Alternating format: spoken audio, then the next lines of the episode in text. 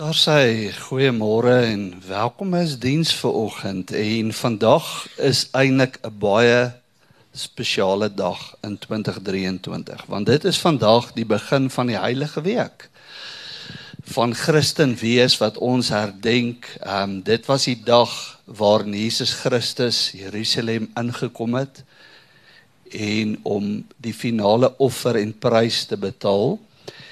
En in die Joodse Paasfees wat letterlik begin het op vandag was dit die dag waarin elke huisgesin volgens Eksodus 'n paaslam moes uitkies. En daardie dag was Jesus Christus terwyl in Jerusalem inreis was hy die paaslam wat deur God die Vader uitgekies is om te sterf nie vir een gesin se sonde nie, maar te sterf vir almal wat nog geleef het, almal wat nog gaan leef en almal wat heiliglik leef se sonde skuld. En vir ons as gelowiges is dit 'n baie besonderse dag, Palmfees. Um en daarom het ons so 'n bietjie palmtakke geswaai terwyl jy hier ingekom het ver oggend om dit net diep in jou hart in te druk dat vandag is die begin van 'n week se reis wat eintlik begin dit 40 dae terug toe ons begin het met die tema die weg, die waarheid en die lewe. En waarin ons ingefokus het op Jesus se woorde in Johannes 14 vers 6 en wat dit vir jou lewe beteken en hoe God uh, jou nooi om Jesus Christus te volg en die weg na die Vader, die waarheid te ontdek en die lewe te ervaar. Goeie Vrydag soos Michelle dit baie mooi gesê het, gaan 'n baie besonderse dag wees want ons het agt werkwoorde uitgekies. Um in lyn met Jesus se woorde en sy dade terwyl hy geleef het wat sommer net jou gaan inspireer hoe om Jesus te volg uh, sodat jy die weg, die waarheid en die lewe kan ervaar. So dit gaan baie wonderlike ervaring wees wat gaan begin met 'n diens goeie Vrydag 'n kort diens waarna ons jou gaan vir agt verskillende stasies buitekant die kerk laat beleef en dat jy 'n intieme interaktiewe ervaring met God sal hê daardie dag en dat jy sal verstaan na daardie dag wat beteken dit om Jesus te volg want hy het vir ons die weg gewys. Hy is die waarheid en hy is die enigste een wat ware lewe vir ons kan gee. So vir oggend wil ek infokus op as jy jou Bybel by jou het op Lukas 19. Dit is die verhaal van Jesus wat Jerusalem binne gekom het. En dit dit is Palmfees wat ons ver oggend in ons geloofsgemeenskap vier en wat kerke reg oor die wêreld vier. Is eintlik 'n baie belangrike fees. En dit was een van die feeste wat letterlik ehm um, of die gebeure as ek so kan sê van 'n fees wat binne in al vier evangelies opgeskrywe staan. En ek wil baie spesifiek vir oggend uit Lukas lees, Lukas 19. En dit vertel die verhaal eintlik van Jesus wat die nag by ehm um, in Betanië by by Lazarus en sy twee sissies Martha en Maria oornag het. En hy het die volgende dag vir sy disippels gesê: "Gaan haal vir my 'n donkie, 'n esel." En uh en as jy die esel kry, sê vir die eienaar die Here het hom nodig. En dit moes vir die disippels onmiddellik iets gesê het want hulle die skrif verstaan. Daar gaan 'n dag kom wat die Messias Jerusalem sal binnekom. En dit was profeteer oor duisende jare. Sagaria die profeet 400 jaar voor Christus het geprofeteer dat in in Sagaria 9 vers 9 dat kyk jou koning kom op die rug van 'n esel. En daar was hierdie verwagting by die Jode dat daar 'n dag gaan aanbreek wat God se gunstige tyd gaan aanbreek. Met ander woorde 'n dag wat hulle daardie genadejare waarvan ek so 'n paar paar weke terug gepraat het toe hy in die uh, sinagoge opgestaan het, genadejaar van die Here aankondig. Dit was die oomblik van die genadejaar van die Here. Dit was die oomblik waarin die Messias geopenbaar word vir die hele Jerusalem. En dit was en vir Israel. En dit was die dag waarin waarin hulle God geopenbaar moes sien en beleef. En dan lees ons dat hy in Jerusalem ingekom en die mense die palmtakke gegooi en hy van die goue poort af. Nou as jy op die Olyfberg staan, die Olyfberg is baie naby aan die tempel letterlik daar op die Olyfberg as jy op die Olyfberg staan seker so ek dink die tempel is meer as 1.5 km. Jy kan jy letterlik kyk jy so oor die Joodse grafte en dan sien jy daar is die Kidron spruit, die spruit waaroor Jesus geloop het in die nag waarna hy na die tuin van Galilea toe is wat wat wat ook in in in in ag ja, die tuin wat ook uh, aan die ander kant van ehm um, van die Olyfberg staan. En en dan sien jy die tempel se muur. En tot vandag toe die oospoort wat die goue poort ook genoem word, is die poort waarin waarin ehm um, waarin hulle verwag het dat die Messias sal inkom. En dit is baie interessant, dit is 'n interessante stukkie geskiedenis van daardie poort want hulle het geweet hy gaan hier van van die tuin van Getsemane se kant af gaan gaan die Messias in Jerusalem inkom en en die moslems wat toe later Jerusalem oorgeneem het in 800 jaar na Christus het gehoor dat die Jode vertel van hulle Messias wat gaan kom. En hulle het die temp uh, hulle het die tempelpoort of die stadspoort letterlik toegemessel sodat niemand sodat die Messias nie in Jerusalem kan inkom nie asof dit nou Jesus Christus sal uithou. Maar daar's my simboliese waarde in in dat die moslems dit toegemessel het en toegebou het want dit sê iets dit sê iets van hulle geleentheid is verby om die Messias in Jerusalem te ontvang. En dit was so mooi as jy Sagaria 9 vers 9 gaan lees. Ehm um, dan wat die Jode die mekaar gekrap het, hulle koppe die mekaar gekrap het is dat aan die een kant sal die Messias inkom as die lydende diensknegt en aan die ander kant sal hy inkom as die oorwinnende koning. Want hulle het nie regtig in in hulle geestesoog kon kon verstaan en kon regtig sien. Ehm um, dat dit eintlik twee gebeure is nie. Hulle het op 'n stadium gedink is twee messiasse wat moes kom. Maar die waarheid is dit was Jesus Christus wat in sy in sy openbarmaking as die Messias daai dag met die Palmfees in Jerusalem ingekom het en wat dan nou uiteindelik ook aan die einde van tyd in Openbaring 19 sal terugkom as die oorwinnende koning. En dit is so interessant dat dat 'n donkie wat Jesus gekies het, want baie keer se kind het gewonder hoekom het Jesus 'n donkie gekies? Hoekom nie eerder 'n perd nie? Jy weet dit klink mos meer reg. Maar maar iemand wat op 'n perd aangekom het, het gekom vir oorlog. Maar iemand wat op 'n donkie gekom het, het gekom as 'n dienaar, as iemand om te dien. En daardie dag het Jesus in Jerusalem op hierdie manier ingekom en ek gaan nou vir jou Lukas 19 lees. Want dis die skrif waarop ek ver oggend wil fokus. Lukas 19 vanaf vers 41. Die skrif waarop ek wil fokus van Jesus wat wat ingekom het. Die mense die palmtakke geswaai want Palmfees was 'n bekende fees wat gespreek het van oorwinning om 'n palmtak te swaai het, het gespreek van oorwinning. En die Bybel sê en toe hy naby kom en die stad sien, het hy daaroor geween en gesê: "As jy tog maar geweet het, ja, ook in hierdie dag van jou, die dinge wat jou tot vrede dien." En dan die volgende gedeelte: "Maar nou is dit vir jou oë bedek, want daar sal daaroor jou kom dat jou vyande 'n skans rondom jou sal opwerp en jou omsingel en jou van alle kante af sal insluit." En hulle sal jou kinders in jou teen die grond verpletter. En hulle sal in jou nie een klip op 'n ander een laat bly nie omdat jy die gunstige tyd toe God jou besoek het nie opgemerk het nie. Omdat jy die gunstige tyd toe God jou besoek het nie opgemerk het nie. En ek wil vanoggend met jou daaroor praat oor gunstige tye wat ons mis Hierdie was 'n dag van keuse gewees, 'n dag van beslissing. 'n Dag waarin hulle die Messias kon aanvaar of verwerp. En daar's iets simbolies daarin. Vir ons elkeen is daar 'n dag van beslissing, 'n dag waarin God met ons praat, waarin God homself aan ons openbaar, waarin hy met waarin hy ons roep, waarin die Heilige Gees ons oortuig van sonde, geregtigheid en oordeel.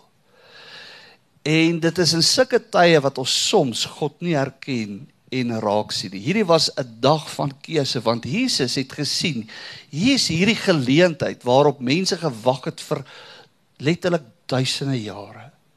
En hier is hy die Messias.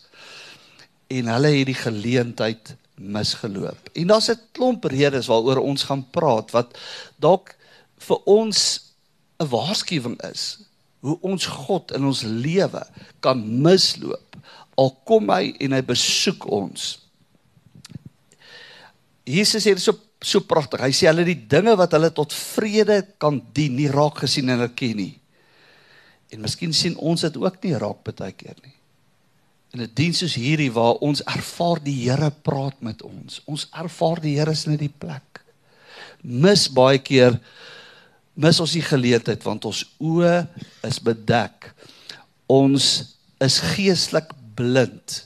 Um ons kan nie sien dat God hier voor ons staan nie. Dit is my so mooi vir oggend net voor die diens begin te praat ek met Adri, een van ons vennote en sy vertel van haar klein seun wat wat daardie tuine God begin ervaar het in ons tuine van hoop. En hoe die skille van sy oë begin afval het, hoe hy Jesus begin beleef het, Jesus se stem in sy lewe begin hoor het, 6-jarige seentjie. Hoe hy uiteindelik hierdie kerk gehoor het hoe Jesus met hom praat, hoe God met hom praat. En wat vir my so interessant is, is altyd oor sulke verhale is in daardie selfde diens was daar 'n paar mense gewees wat by die vensters gesit en uitkyk het. Wel, hier's nou nie vensters nie, maar gedroom het oor wat by die huis in die gang is, die hoender in die oond en môre se probleme by die werk en wat God misloop in dieselfde diens. En in daardie diens het daardie seentjie God ervaar. Ons kan so vasgevang raak in die dinge van ons wêreld en wat in ons lewe gebeur. Partykeer is ons so oorweldig deur ons omstandighede dat ons soms God mis en vergeet dat hy 'n plan het vir my en jou lewe, vir jou gesin het hy 'n plan. En en en hy wil deur sy gees en deur sy woord wil hy help om dit te bereik. Maar ons mis dit want ons is geestelik blind. Dit is so mooi wat Jesus hier sê. Hy sê hy sê want dan gaan daar kom dat jou vyande skans rondom jou sal opwerp en jou omsingel en jou van alle kante af ontsluit. Daar gaan 'n dag kom waarin waarin jy die verskriklike gevolg dra van die keuse wat jy vandag maak. Jy weet in baie mense ek het al baie gehoor dat mense praat van 'n God wat jou straf en God wat jou ehm um, wat hierdie dinge oor Jerusalem gebring het en so aan, maar vir my in my in my teologiese uitkyk is God nie nou besig om te straf nie. Hy gaan oordeel eendag aan die einde van dae voor die regterstoel van Christus vir ons wat gelowiges is en vir die ongelowiges in Openbaring 20 uh voor die wit troon oordeel. Maar wat baie keer gebeur en wat ons baie keer mis is dat God ons oorgee aan ons eie begeertes en aan ons eie wil. En dis die ding van die Here wat ek al die jare beleef en ervaar het. Die Here is nie iemand wat homself afforceer op jou en my nie. Hy forceer homself nie.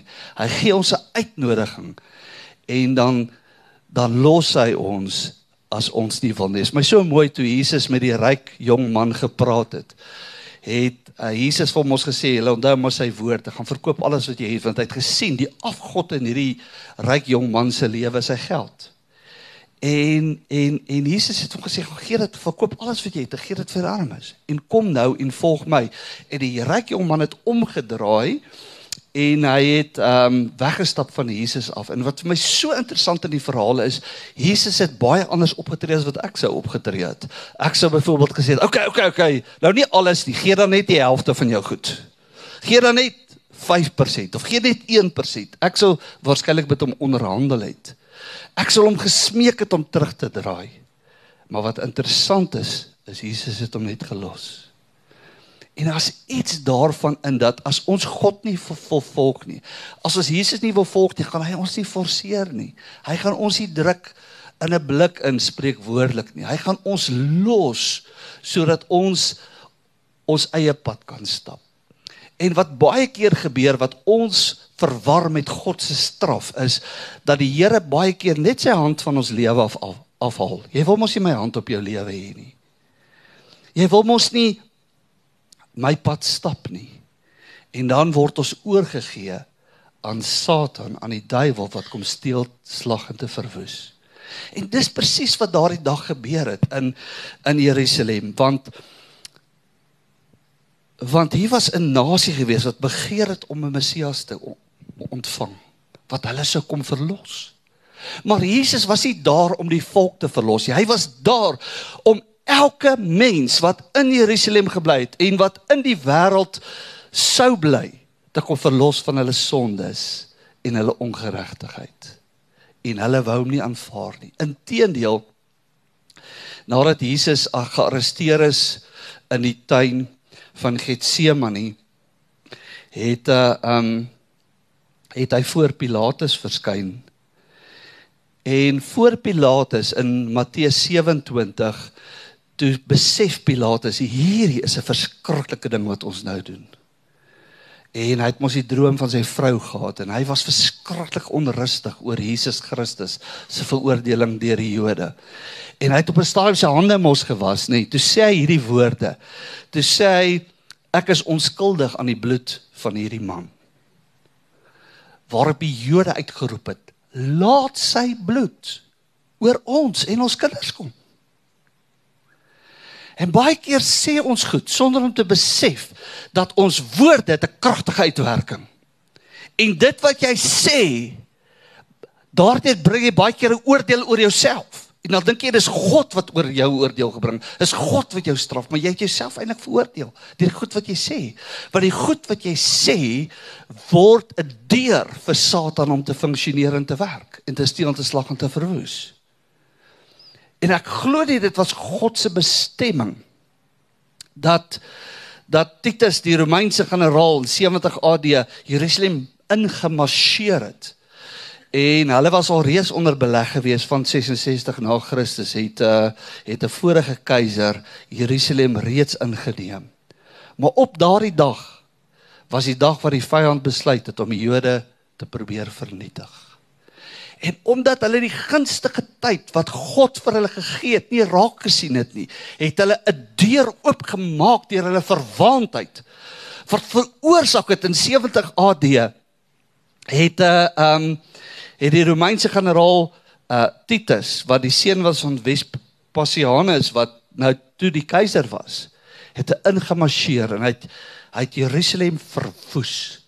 Uh geskiedskrywers soos Josefus uh Flavius Josephus sê dat dat dat waarskynlik iets soos 1.1 miljoen Jode is daardie dag verpletter en doodgemaak.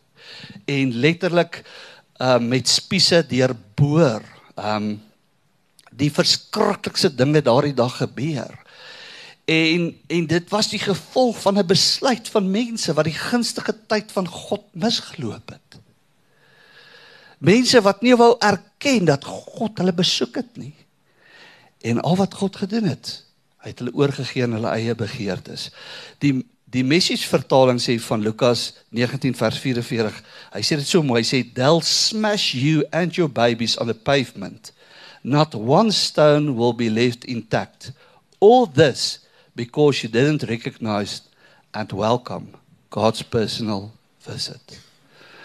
En al wat gebeur het is God het sy hand afgehaal van die Joodse volk af en presies dit wat hulle sê die bloed van Jesus Christus het oor hulle gekom maar nie die bloed wat red en wat ons pleit en wat ons genees en ons verlos nie die bloed wat 'n oordeel kom het oor hulle gekom en die vyand het hulle vernietig wie hoekom Hoekom het die Jode dit nie raak gesien nie? Hoekom sien ons baie keer mis ons God se besoek in ons lewe? Wat is die probleem? Hoekom raak ons so verblind? Want die vyand is die een wat ons verblind. Paulus sê dit so pragtig in 2 Korintiërs 4 vers 4. Hy sê hy sê as die evangelie nog bedek is, is dit bedek in die wat verlore gaan, naamlik die ongelowiges in wie die god van hierdie wêreld hulle sinne verblind het. Paulus maak dit duidelik, dis die vyand wat ons verblind sodat ons nie God raak sien en herken nie. En hoeveel keer in jou lewe het God jou nie dalk besoek nie? Het jy dalk vir God gevra, Here, help my. Here, voorsien vir my en jy die oomblik wat God vir jou voorsien en jou wil besoek, het jy misgeloop. Daar's baie oorsake vir geestelike blindheid en ek wil dalk net so 'n paar vinnig noem oorsake dat ons geestelik blind raak, dat ons God nie kan sien nie. Want baie keer wanneer ons luister na die verhaal van die Palmfees en Jesus wat in Jerusalem inkom, dan veroordeel ons die Jode. Sê ja, wat het julle gedoen? Julle het Jesus Christus gekruisig. Het hy gekom in julle stad in. Hy was daar om julle te verlos van julle sonde en julle ongeregtigheid, maar julle het hom vermoor. Maar die waarheid is Baie keer doen ons presies dieselfde. Ons mis die oomblikke wat God vir ons bestem om ons te verlos. En as redes vir daardie daardie misloop van God se genade. En en ek wil net so paar vinnig noem. Hoogmoed. Hoogmoed. Die fariseërs was hier absoluut skuldig geweest. Hulle was so hoogmoedig. Ons het God nie nodig nie. Ons het ons eie godsdiens gebou. Ons weet hoe ons God wil dien. Ehm um, ons ons ons het afgekyk op Jesus Christus. Hy kan nie die verlosser wees nie. En baie keer is dit hoogmoed wat veroorsaak dat daar iets tussen ons en God kom staan. Ehm um, is baie interessant Jeremia 49 sê Jeremia sê God eintlik vir die volk julle hoogmoed mislei julle. En daar's baie mense wat wat voel hulle het God nie nodig nie, wat hoogmoedig is, wat te trots is om hulle hand uit te strek na God toe en vir God te vra om hulle te help. Hoogmoed sê Spreuke mos kom tot 'n val. En hoogmoed was een van die redes waarom die Fariseërs daardie dag Jesus nie kon omhels nie was die rede gewees hoekom hulle die redder gemis het. En uiteindelik, jy weet, ek het hierdie week met iemand gepraat daaroor, jy weet dat baie keer vergelyk ons onsself met ander mense. Dink ons ons is beter as ander mense. Net omdat ons meer gawes ontvang het. Maar uiteindelik moet ons verstaan dat alles wie ons is en waar ons gekom het, is 'n gawe van God. En ons het geen rede om daarop te roem nie.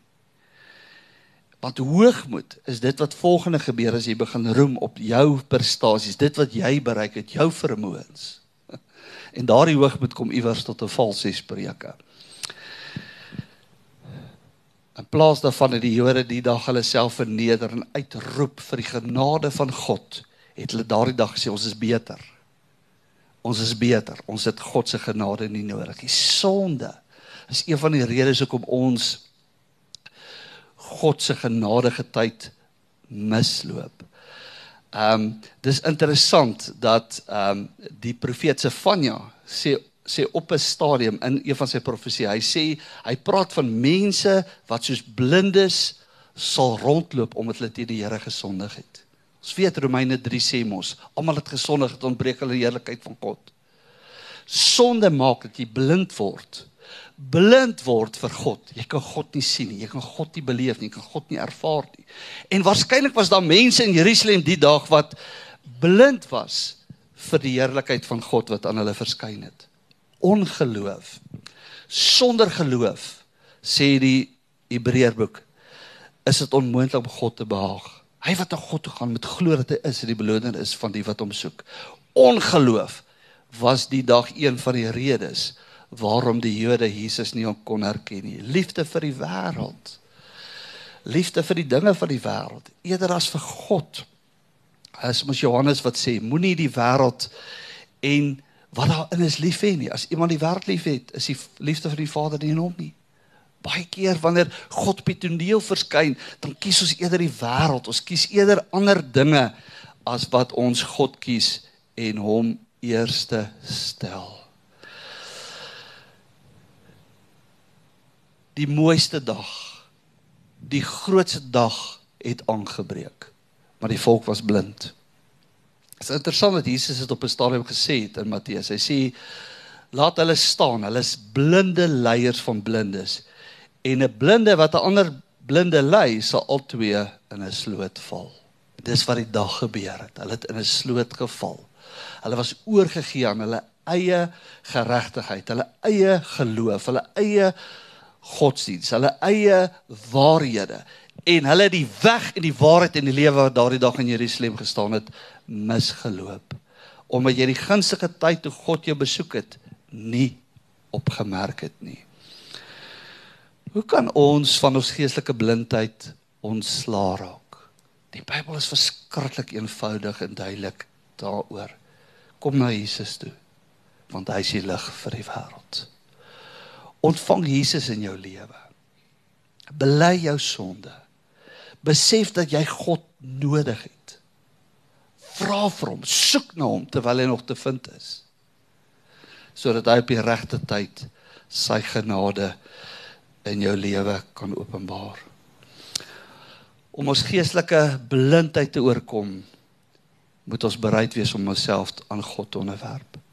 Ek wonder wat sou gebeur het. Ek dink die trajeksie vir die geskiedenis sal anders gewees het. Jesus sou nog steeds aan die kruis moes sterf. Maar ek wonder wat sou gebeur het in die persoonlike lewens van die mense wat daardie dag in Jerusalem was, wat die palmtakke geswaai het. En toe Jesus nie die Romeinse regering verwerp het in sy intog in Jerusalem, het hulle begin kwaad raak vir hom en hom begin vloek en hom begin sleg sê en hom verwerp.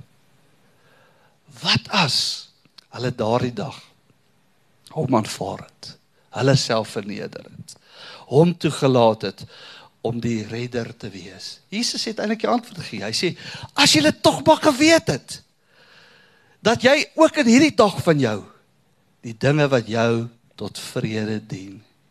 En so mis ons baie keer God se genade, God se liefde, God se redding omdat ons nie die gunstige tyd toe die Here ons besoek erken en raak gesien het nie. En vanoggend is weer so geleentheid waarin God in hierdie plek is. God is hier om jou te red. Die dinge wat jou tot vrede dien is in hierdie geloofsgemeenskap vanoggend. En en miskien is jy die een wat nederig is, nie hoogmoedig is nie, wat vanoggend sê maar ek het ek het God nodig. Ek erken ek in my huis, ons het die Here nodig. Ek besef daar's goeters in my lewe wat God vir my al weghou. Ek besef my geloof, my ongeloof is eintlik 'n krisis. Ek besef dat daar's dinge wat ek moet sacrifice, wat ek moet offer vandag om God in my lewe te hê. En vir oggend is dit die boodskap wat Jesus se Palmfees, wat sy intog in Jerusalem op daardie dag gehad het, is dit die geleentheid wat hy deur sy intog vir jou skep. Want Jesus het nie net in Jerusalem ingekom nie. Hy kom in elke erediens in die kerkgebou in.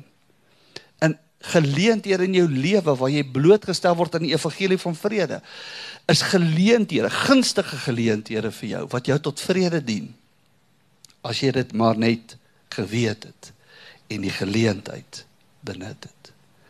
En ek wil vir oggend bid dat dat hierdie geleentheid vir 'n paar mense in die kerk 'n oomblik sal wees waarin hulle die gunstige tyd van die Here raak sien. sien God is in hierdie plek. Hy's hier om jou te ontmoet, my te ontmoet vir ons vir ons die weg te wys na die Vader toe. Vir ons hy's vir ons die waarheid in die lewe. En dat jy ver oggend op hierdie vlak kom sal ervaar. Ek gaan na die musikante vra om na vore te kom en En en en vanoggend wil ek hierdie diens afeindig met met 'n gebed vir jou. Met 'n bedieningsoomlik vir jou. Miskien sê jy ook ek het God nodig vanoggend. Onthou, die Jode in Jesus se dag daar in Jerusalem op daardie dag toe Jesus ingekom het in Jerusalem van die Olyfberg af, het ook God nodig gehad. Maar hulle was net nie bereid om God op sy voorwaardes te aanvaar nie. Hulle wou 'n God gehad het wat hulle self geskep en gemaak het. En die oomblik as jy 'n God self maak, dan is dit 'n afgod. Dis nie die ware soewereine God wat die hemel en die aarde geskaap het. Dis 'n afgod. En daardie dag was God daar en hulle moes hom net aanvaar vir wie hy toe was. En vir oggend is dit jou geleentheid om God ook in jou lewe te ervaar. So kom ons bid nou saam. Ag Here, dankie dat U in hierdie plek is. Here het ons hier ingekom het toe die palmtakke geswaai het en ons gedink het aan U wat op daardie dag Jerusalem binne gekom het. Um en die lam van God geword het op daardie eerste dag van die heilige week. Here het ons al reeds u teenwoordigheid ervaar. Het ons al reeds u stem begin hoor. U uitnodiging in ons harte begin ervaar. En in die sangdiens, Here, het ons sing van u en ons u verheerlik, het ons u teenwoordigheid ervaar. Here in hierdie boodskap het ons u stem gehoor. Ons het gehoor hoe u met ons praat, hoe u 'n gunstige tyd in ons lewens aankondig. En die Here vir oggend, al wat ons nodig het om te doen is net om ons hand op te sê en sê hier is ons Here. Here, ons wil nie soos die Jode in daardie dag wees, vol hoogmoed, sonde, ongeloof en 'n liefde vir die wêreld. Here, ons wil mense wees wat wat sê dat ons verneder onsself onder die kragtige hand van die Here sodat ons genade kan ontvang. Here, ons wil ver oggend wil ons die dinge wat tussen ons en U staan bely. Here, ver oggend wil ons ons geloof in U plaas. Here, ver oggend wil ons U eerste plaas in ons lewens, Here, want U is die weg, die waarheid en die lewe. Lewe is net moontlik by U. Here, ons wil nie u hand weg hê van ons lewens soos Jode nie. Ons u hand en u bloed op ons hê, maar nie u bloed van oordeel nie, u bloed van redding. En Here, vanoggend weet ek is mense wat u nodig het. Mense wat wat hulle hand wil uitsteek en sê Here, vat my hand, red my. Red my gesin, red my van my omstandighede. Here, ek het U vandag nodig. U het nie net in Jerusalem ingekom nie, maar ook in hierdie kerk ingekom ver oggend saam met ons. En U nooi ons uit ver oggend om U hand te neem.